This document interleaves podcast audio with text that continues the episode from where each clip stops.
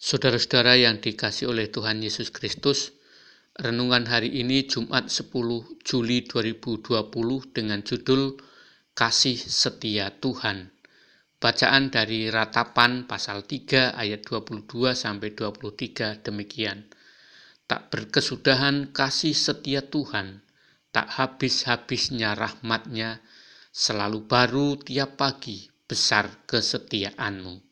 Saudara, Siapakah seperti Tuhan kita yang tak pernah berakhir kasih setianya?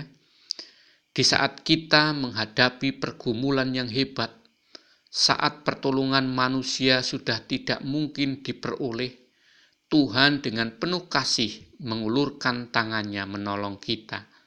Ia tak pernah menolak kita.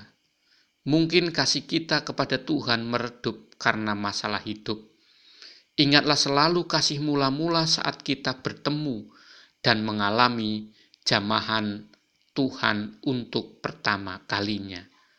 Bukankah hati kita meluap dengan kasih kepadanya? Amin. Mari kita berdoa. Tak berkesudahan kasih setia Tuhan dalam hidup kami. Amin.